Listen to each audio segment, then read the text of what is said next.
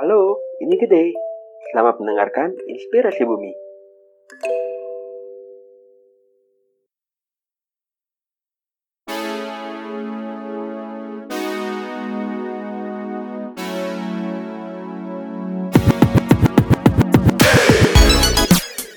Ya kamu masih di generasi hijau yang bahas topik kita pada kesempatan hari ini sang surya membuat nyala ya, dan tadi ada ini bro bro gede Siap. ya ya.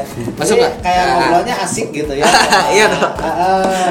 Ngomong ngomong soal masa depan tuh emang asik Ah, iya, tuh. benar. Apalagi kalau misalkan kita nanyain sama siapa masa depannya kayak gitu kan. Iya, ini pengen nanya juga nih eh, ke Kang Brian. Ini kalau misalkan eh, dari kan emang si apa ya baru terbarukan ini emang banyak meneliti tentang nanomaterial untuk energi dan lingkungan gitu ya. Iya betul. Nah ini kalau misalkan dari banyak banget nih penelitian-penelitian, ini apa aja sih yang udah mulai ditemukan selama melakukan penelitian gitu? Iya. Ya, jadi eh, di laboratorium kami itu eh, di teknik fisika, kami memang mengembangkan bagaimana mencari material yang paling handal dan juga mudah didapatkan di Indonesia sebagai bahan untuk solar cell. Nah, Nah, dulu kita uh, beberapa waktu yang lalu uh, kita mengembangkan solar cell generasi baru yang disebutnya mungkin bahasa teknisnya itu dye synthesized solar cell. Jadi solar cell tetapi loncatan elektronnya ya itu berasal dari uh, apa ekstrak buah-buahan dan tumbuh-tumbuhan. Nah, menarik kan? Iya, iya, Ah, ah, jadi ternyata kita kan tahu ada fenomena fotosintesis ya. Iya. oh iya. Fotosintesis itu kan matahari uh, kemudian menghasilkan kehidupan di tumbuh-tumbuhan Iya, karena sumber energi matahari. Iya. Nah sebenarnya sama fenomena yang sama juga bisa kita manfaatkan. Itu sebenarnya ada elektron yang loncat ketika uh, matahari uh, ma- apa sinar matahari dalam bentuk foton itu jatuh pada daun-daunan. Ketika tanaman bikin makanan Nah, kita bisa ambil listrik itu ya, betul kira-kira begitu. Nah, itulah yang kemudian kita coba kembangkan. Uh, bahkan di tahun 2014 kita pernah mencapai rekor tertinggi berasal dari rumput-rumputan di Cimahi. Ah. Kita temukan rumput-rumputan ternyata ketika kita modifikasi dengan quantum dot dia menghasilkan efisiensi yang cukup baik untuk solar cell meskipun uh, untuk skala komersial masih perlu pengembangan lebih lanjut ya. Tapi untuk skala laboratorium kita mencapai rekor tertinggi pada saat itu 6% di seluruh dunia padahal gitu. Jadi tuh eh, Kang, jadi Ya. daun-daun, kulit Mm-mm. buah dan segala macam tuh diapain? Bisa, kita ya kita ekstrak, kita ekstrak itu kita hancurkan lah ya. Iya, iya. Seperti kulit manggis dan ah, betul. Tapi memang kita mencari ekstrak-ekstrak yang paling tinggi loncatan elektron atau elektron paling banyak lah kira-kira. Hmm. Nah kemudian itu kita letakkan di dalam pori-pori di ukuran nano Hmm. pada suatu semikonduktor supaya ketika elektronnya keluar dia punya jalan. Iya, iya. Kan kalau keluar nggak jalan akhirnya nggak bisa juga dipakai kan. Iya, iya. Nah dia kita taruh di semikonduktor yang transparan. Nah itulah kita mengembangkan eh, material berpori skala nano untuk meletakkan ekstrak buah-buahan itu begitu. Sampai sekarang pengembangannya masih berjalan. Meskipun begitu eh, apa untuk skala komersial masih perlu lebih jauh ya. Kita Ini versi lebih kerennya dibanding itu ya. Dulu tuh saya pernah ngelihat Hmm. ini Kang, Eh, orang bikin apa namanya ipadi atau apa ya Ya. di Surabaya gitu. Jadi itu beneran padi tanaman padi dipasangin katoda sama anoda doang itu mesti dipasangin buat ngalirin listrik gitu. Ah iya kira-kira Ini sebenarnya versi begitu. advance ya bisa. Iya betul. Kita kalau gitu kan kecil sekali kan. Iya, iya, iya, kita kan ingin meng- memanen istilahnya kan Iya, memanen energi listrik, energi matahari menjadi listrik. Ngomong memanen energi matahari itu kan Ya, salah satu bisa energi title matahari. bukunya. Iya saya Oh, Kang Brian. Iya saya membuat satu buku supaya eh, dengan bahasa yang sederhana ya. Karena saya khawatir solar cell ini jadi eksklusif hanya difahami oleh orang-orang yang eh, belajar fisika saja. Padahal Iya. kan kita ingin semua masyarakat memahami dengan baik. Makanya saya coba eh, mengarang buku dengan bahasa yang sederhana, mulai dari sejarah, cara kerja, jenis-jenisnya, mengujinya, cara instalasi, cara pasang dan sebagainya. Nah itu silahkan bisa di eh, dapatkan diterbitkan oleh penerbit ITB ya. Gitu kira-kira. Jadi isinya apa aja itu bang? Isinya semuanya tuh, mulai dari sejarah. Gimana sih dulu pertama kali orang terfikirkan ya? Ya. Ternyata kok bisa tuh sinar matahari menjadi listrik. Oke. Kemudian eh, kan pertama kali ditemukan oleh Bell Laboratory di Amerika. Kemudian sampai perkembangan saat ini jenis-jenisnya sekarang ini kan ada tiga generasi solar cell sebenarnya. Yang pertama eh, solar cell yang sekarang banyak yaitu kristalin, kemudian yang kedua generasi thin film, yang ketiga ini emerging. Nah, kita kan tahu ya eh, sekarang ini zamannya disruptif gitu ya. Orang eh, nggak apa cuman apa misalnya uh, Uber atau Go- uh, Gojek gitu ya. Iya. Iya, iya. Orang yang nggak punya uh, perusahaan taksi tapi nggak punya armada kan gak ada lucu kan dulu orang nggak kepikir orang mau bisnis taksi iya mau saya mau bisnis taksi tapi mobilnya mana nggak punya sekarang bisa kejadian Atau nggak commerce yang punya nggak punya gudang tapi bisa nah ya kejadian kan? juga Iya, iya. nah sama juga nih di solar cell akan ada disruptif juga. Jadi sekarang kan basisnya silikon. Uh, dari pasir uh, kuarsa gitu ya. Diekstrak kemudian dan seterusnya. Nah akan datang ini tadi digantikan oleh misalnya tumbuh-tumbuhan. Bisa tumbuh-tumbuhan ya atau nanti ada jenis material yang lebih murah yang kalau sekarang tuh bikinnya ya kalau nanti kita saat saat datang ke pabrik solar cell ya itu harus clean room ruangan yang bersih. Ya kayak kita suka nonton nonton TV orang kayak mau ke Pakai planet gitu. baju putih-putih. nah, Pokoknya steril lah ya. ya steril. Nah nanti yang kalau ngomongnya. Kayak gitu gitu nah nanti nggak begitu. Justru sekarang orang sedang mencari cara menemukan solar yang jauh lebih murah. Dan lebih mudah dibuatnya. Nah nanti kalau ini kejadian itu tadi. Disruptif lagi di bidang energi. Orang semua bisa bikin energi dengan mudah taruh di rumahnya masing-masing ya jadi ya, lebih gampang lagi gitu. Jadi makanya itulah inovasi kan diperlukan ya. Seperti uh, Pertamina nih. Sekarang dia uh, dengan enaknya jualan minyak eh, dan sebagainya. Tapi kan kita nggak tahu tiba-tiba nanti apa? Iya benar. Nanti bahan mobil listrik jadi, nggak ada yang beli. ya kan? BBM jualan wah sepi. Benar, benar. kayak dulu kita inget apa? Wartel ya. Dulu Ya. sempet wah orang Sempat pulang wah zaman saya kuliah. Wah setiap Sabtu wartel ngantri dan sebagainya sampai subuh subuh kita pergi. Tapi sekarang sok, siapa yang punya wartel bisnis? Nggak ada. sama. Pertamina juga nih hari hati hati-hati gitu. Saat-saat nanti mobil listrik semua waduh. Nah makanya itu tadi.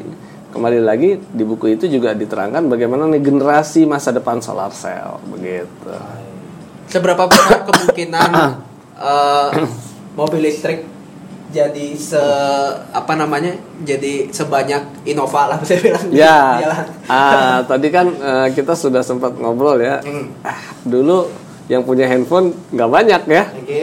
Orang punya handphone, wah dulu kayaknya serasa bos, serasa mewah cuman direktur apa zaman saya sekolah kuliah dulu sampai orang yang punya handphone tuh sengaja dibunyiin keras.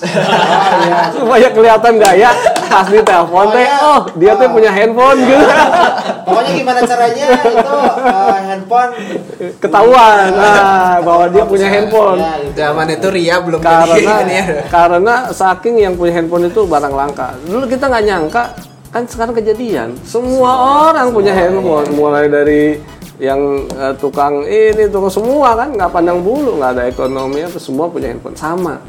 Mobil listrik ini sekarang harganya memang masih lebih mahal daripada mobil konvensional. Tapi biaya operasionalnya biaya operasional itu istilahnya bensinnya lah ya.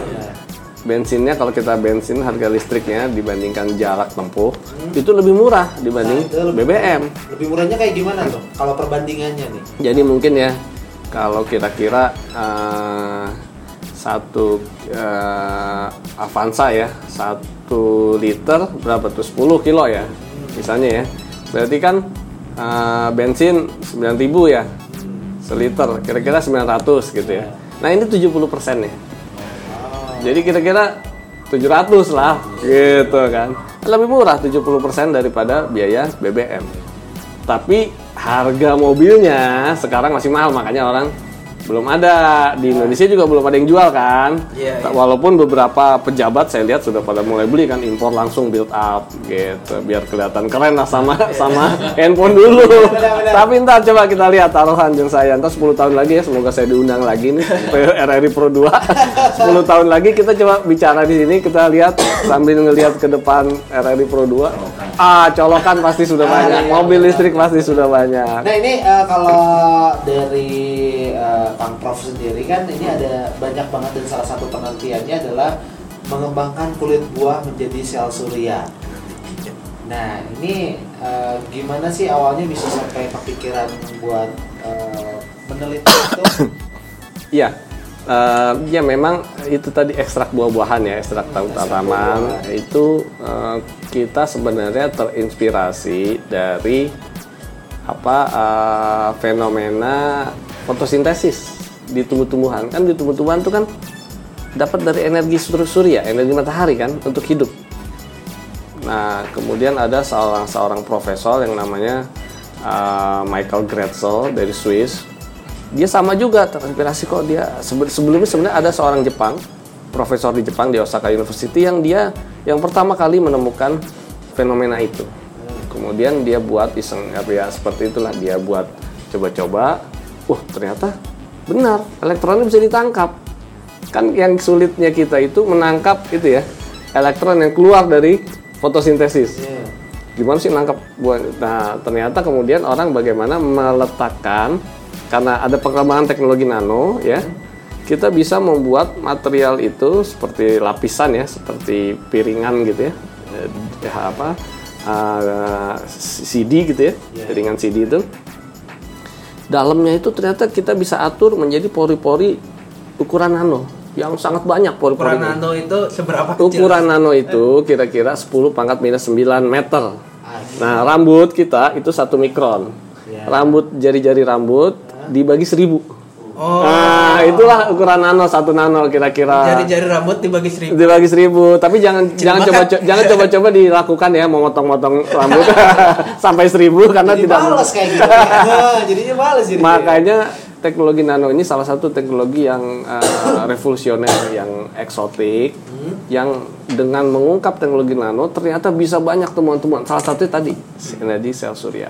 Nah, memang tentu tidak bisa dengan mata begini saja, mata telanjang ya, tetapi harus dengan elektron uh, mikroskop. Mikroskopnya ada mikroskop, tapi bukan pakai lagi lensa, tapi pakai elektron.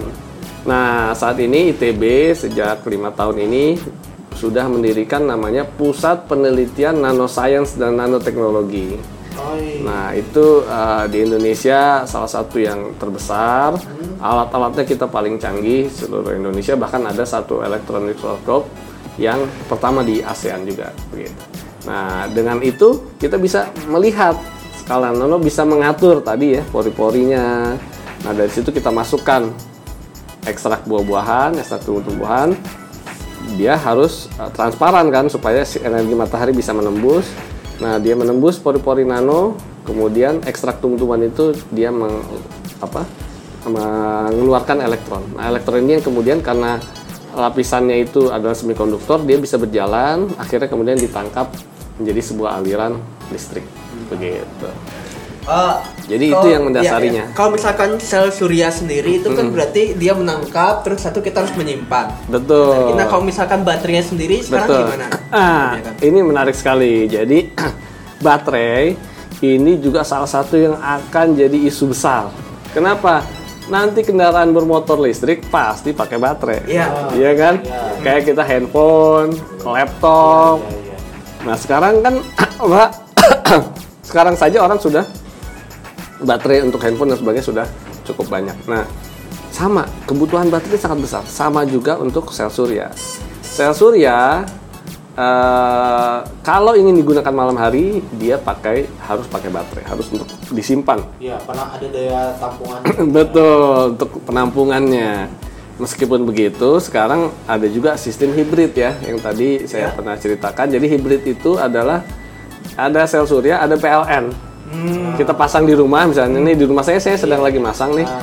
Kita pengen ngerasain gimana rasanya gitu ya.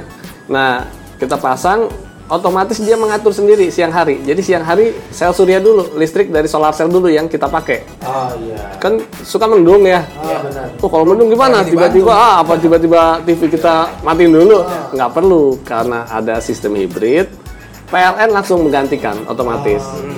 Jadi ada dua gitu. Ada dua sumber, dia ngatur sendiri otomatis begitu. Nah, gimana kalau kita pergi keluar kota? Nggak kepake dong, kan Iya, iya. listrik kita dikit. PLN sudah bisa membeli juga. Oh. Jadi misalnya nih di rumah saya pasang energi sur- surya, Sabtu Minggu saya pergi keluar kota, kan saya nggak pernah nyalain listrik. Iya. Terus Sementara cuaca cerah, solar cell menghasilkan listrik dong. Iya. Ke mana listriknya? Bisa dilempar ke PLN, nanti dihargain. Jadi di akhir bulan PLN yang kita konsumsi berapa? Misalnya 1000. Ah. Ternyata kita solar cell kita ngirim ke PLN 100. Tinggal dikurangin 1000 kurang 100. Oh. 900 doang kita bayar. Bentar, Pak. begitu. Ini- Itu ini namanya ya- ekspor impor. Ini skema yang kayak gini itu sudah eh, bisa dibilang umum dilakukan apa uji coba tempatnya baru? Oh enggak, sebenarnya PLN sudah memiliki aturan, sudah membolehkan. Hanya memang belum masyarakat belum banyak tahu. Makanya saya sedang coba nih. Saya sudah daftar ke PLN, saya sedang daftar. Seperti apa? Nanti saya pengen ngerasain juga gimana sih apakah ngurusnya gimana, apakah gampang atau enggak. Tapi sejauh ini masih lancar-lancar saja. Tapi sudah bisa dipakai meskipun memang ada aturan yang masih kurang menguntungkan ya. Misalnya apa? Listrik yang dihargai oleh PLN itu 65%. Jadi kalau kita uh, menghasilkan 100 tadi ngirim ya misalnya Sabtu Minggu saya libur 100 kita kirim ke PLN kan masuk ke saluran PLN kan kita harusnya dikasih 100 kan? Iya, nah ini hanya 65 aja. 35-nya disumbangkan lah kira-kira gitu ke negara kita ya nggak apa-apa gitu kan ya. Kita uji coba seperti itu ya mungkin sambil aturan ini kan nanti bisa berubah siapa tahu nanti bisa dihargai full begitu ya jadi 100 begitu kan tapi itu sudah berlaku ya. nah tadi balik lagi ke baterai jadi keterusan tuh Iya. Baterai. Ini gimana ke baterai? Baterai ini memang masalah yang sangat penting yang banyak sekarang sudah mulai diteliti di lab kami juga sudah melakukan penelitian beberapa peneliti di eh, ITB juga sudah maju melakukan penelitian baterai intinya adalah bagaimana nih kita Indonesia bisa eh, membuat baterai sendiri ya? Nah sekarang yang paling canggih itu kan lithium ion battery tapi lithiumnya lithiumnya ini kan impor. Nah, tentu eh, kita berharap tapi eh, ya kita berharap bisa mengembangkan jenis material lain ya. Yang sedang dikembangkan coba itu adalah pakai sodium Na gitu. Meskipun performansinya masih belum secanggih sebaik lithium, tapi ini kita akan coba gitu. Karena mungkin kalau daripada kita yang bagus tapi barang apa material yang nggak ada kan susah ya. Tapi ini sedang kita uji coba terus lah. Harapannya adalah semoga nih nanti seiring dengan mobil listrik yang booming, misalnya lima tahun lagi, nah kita bersamaan kita sudah siap industri baterai kita. Oh iya. Begitu. Kita itu menjanjikan banget ya. Pak. Iya, sangat sangat menjanjikan. Dan kebutuhan baterai ini sangat tinggi sekali. Nah, baterai itu apa yang dicari? Yang pertama adalah ringan dan densitinya densitinya besar. Maksudnya density besar apa? Kita kan kalau mobil ini kan nggak kayak handphone ya, Iya, iya. kecil dayanya. Mobil itu kan besar. Iya. Jangan-jangan isi baterai semua, orang nggak bisa masuk nanti kan percuma. Nah kita cari yang dan juga ringan, nggak berat. Baterai motor kita tahu kan baterai mobil yang aki di depan, Ya, Ki, ha? nah, itu kan masih berat tuh. Iya. Nggak mungkin ada 20 aki gitu untuk untuk nyimpen itu. Nah itu bagaimana supaya ringan dan lebih kecil ukurannya, tetapi daya tampungnya besar. Itu yang pertama. Yang kedua cepat. Kita kan ngecas, nggak mungkin dong mobil dicas Sejam, 5 dua jam. Iya. Ya, kita tidur. ya. Ngecasnya dari Ngecas dulu, iya. Bangun subuh-subuh Bangun coba ngecas. subuh, ah kan Jam berapa ya? repot. Nah kita pengen pengen dong ngecasnya ah 10 menit gitu kan atau ya seperti apa ya ini yang sedang dicari gitu. Apakah nanti saya dari Bandung ke Jakarta tiba-tiba lupa ngecas buru-buru. Waduh, mampir kan kalau kita sekarang ngisi bensin. Nah, ntar mampir di rest area ada tuh charger. Nah. Jangan-jangan 10 jam terus sampai-sampai gitu kan. Jadi sekarang lah masih ini ya Prof ya. Iya masih dikembangkan penelitiannya. Ada beberapa kampus lain juga yang uh, cukup maju seperti UNS Solo itu cukup maju. Tetapi ya kita sama-sama berkolaborasi uh, untuk memajukan di tempat kami juga ada Pak Edi Laksono itu manajemen baterai. Jadi bagaimana baterai itu supaya lebih lama hidupnya, lebih cepat chargernya dan sebagainya begitu. Masa depan sel surya Kang. Eh maksudnya Hmm. future of eh, solar cell itu di Indonesia ataupun di dunia itu sekarang kayak gimana sih? Apa sih yang masa depan? Apa sih yang kita tunggu nih? Iya. Jadi yang sedang banyak dikerjakan orang itu sol- solar cell itu seperti tadi saya sampaikan emerging solar cell. Jadi ada tiga jenis solar cell, empat lah ya yang masa depan solar cell itu harapannya solar cell yang pertama gampang dibuat, murah, sehingga harganya harga sekarang saja harga solar cell itu turun terus setiap tahun. Beda dengan harga listrik kan naik terus ya. Ya. Ah, ini turun terus. Nah, ini nanti harapannya dengan emerging solar cell ini semakin turun lagi lebih murah. Nah, apa itu emerging solar cell? Yang pertama, solar cell tadi berbasis tumbuh-tumbuhan, synthesis solar cell. Yang kedua ada namanya perovskite. Ini tipe lain lagi, teknologinya berbeda. Tapi masih mirip gitu ya. Nah, kemudian yang ketiga quantum dot. Itu juga menggunakan materialnya quantum dot. Yang keempat itu CZTS. CZTS ini eh, pakai copper, zinc, seng gitu ya. Eh, apa sih? Copper itu tembaga, seng, SN, tin gitu ya. Sama eh, CZTS, eh, SN ya, tin juga tadi. Jadi eh, sama titania. Nah ini material kalau digabungkan ternyata bisa juga untuk solar cell. Nah yang terakhir ini sekarang kita sedang kembangkan juga kerjasama dengan Singapura gitu ya NTU. Bagaimana? Karena ini kenapa kita coba? Karena murah dan mudah dibuatnya di Indonesia. Nah jadi kita, nah ITB saat ini tuh mencari teknologi-teknologi yang sedang maju tetapi mudah dibuat dan ditemukan di Indonesia. Pengembangan apa tadi itu? Ya, solar cell CZTS disebutnya. CZTS. Nah, CZTS itu semua materialnya gampang ditemukan di Indonesia. Proses pembuatannya juga kita cari yang lebih mudah. Disebutnya namanya sintesis sol gel lah gitu ya. Nah, jadi ini kalau ini kita bisa kembangkan terus dan berhasil skala industri, semoga gitu ya. Nah, kita jadi mandiri gitu Ya. untuk solar cell nggak lagi impor. Begitu. Nah, ini kalau misalkan nah, karena emang waktunya juga pengennya sih dua Iya nih, tiga jam. aduh, lagi hot-hotnya Iya, ya. Hot ya. Ya, itu tadi Dudung eh, kayak berharap gitu siapa tahu nanti dapat mobil ini gitu. Iya.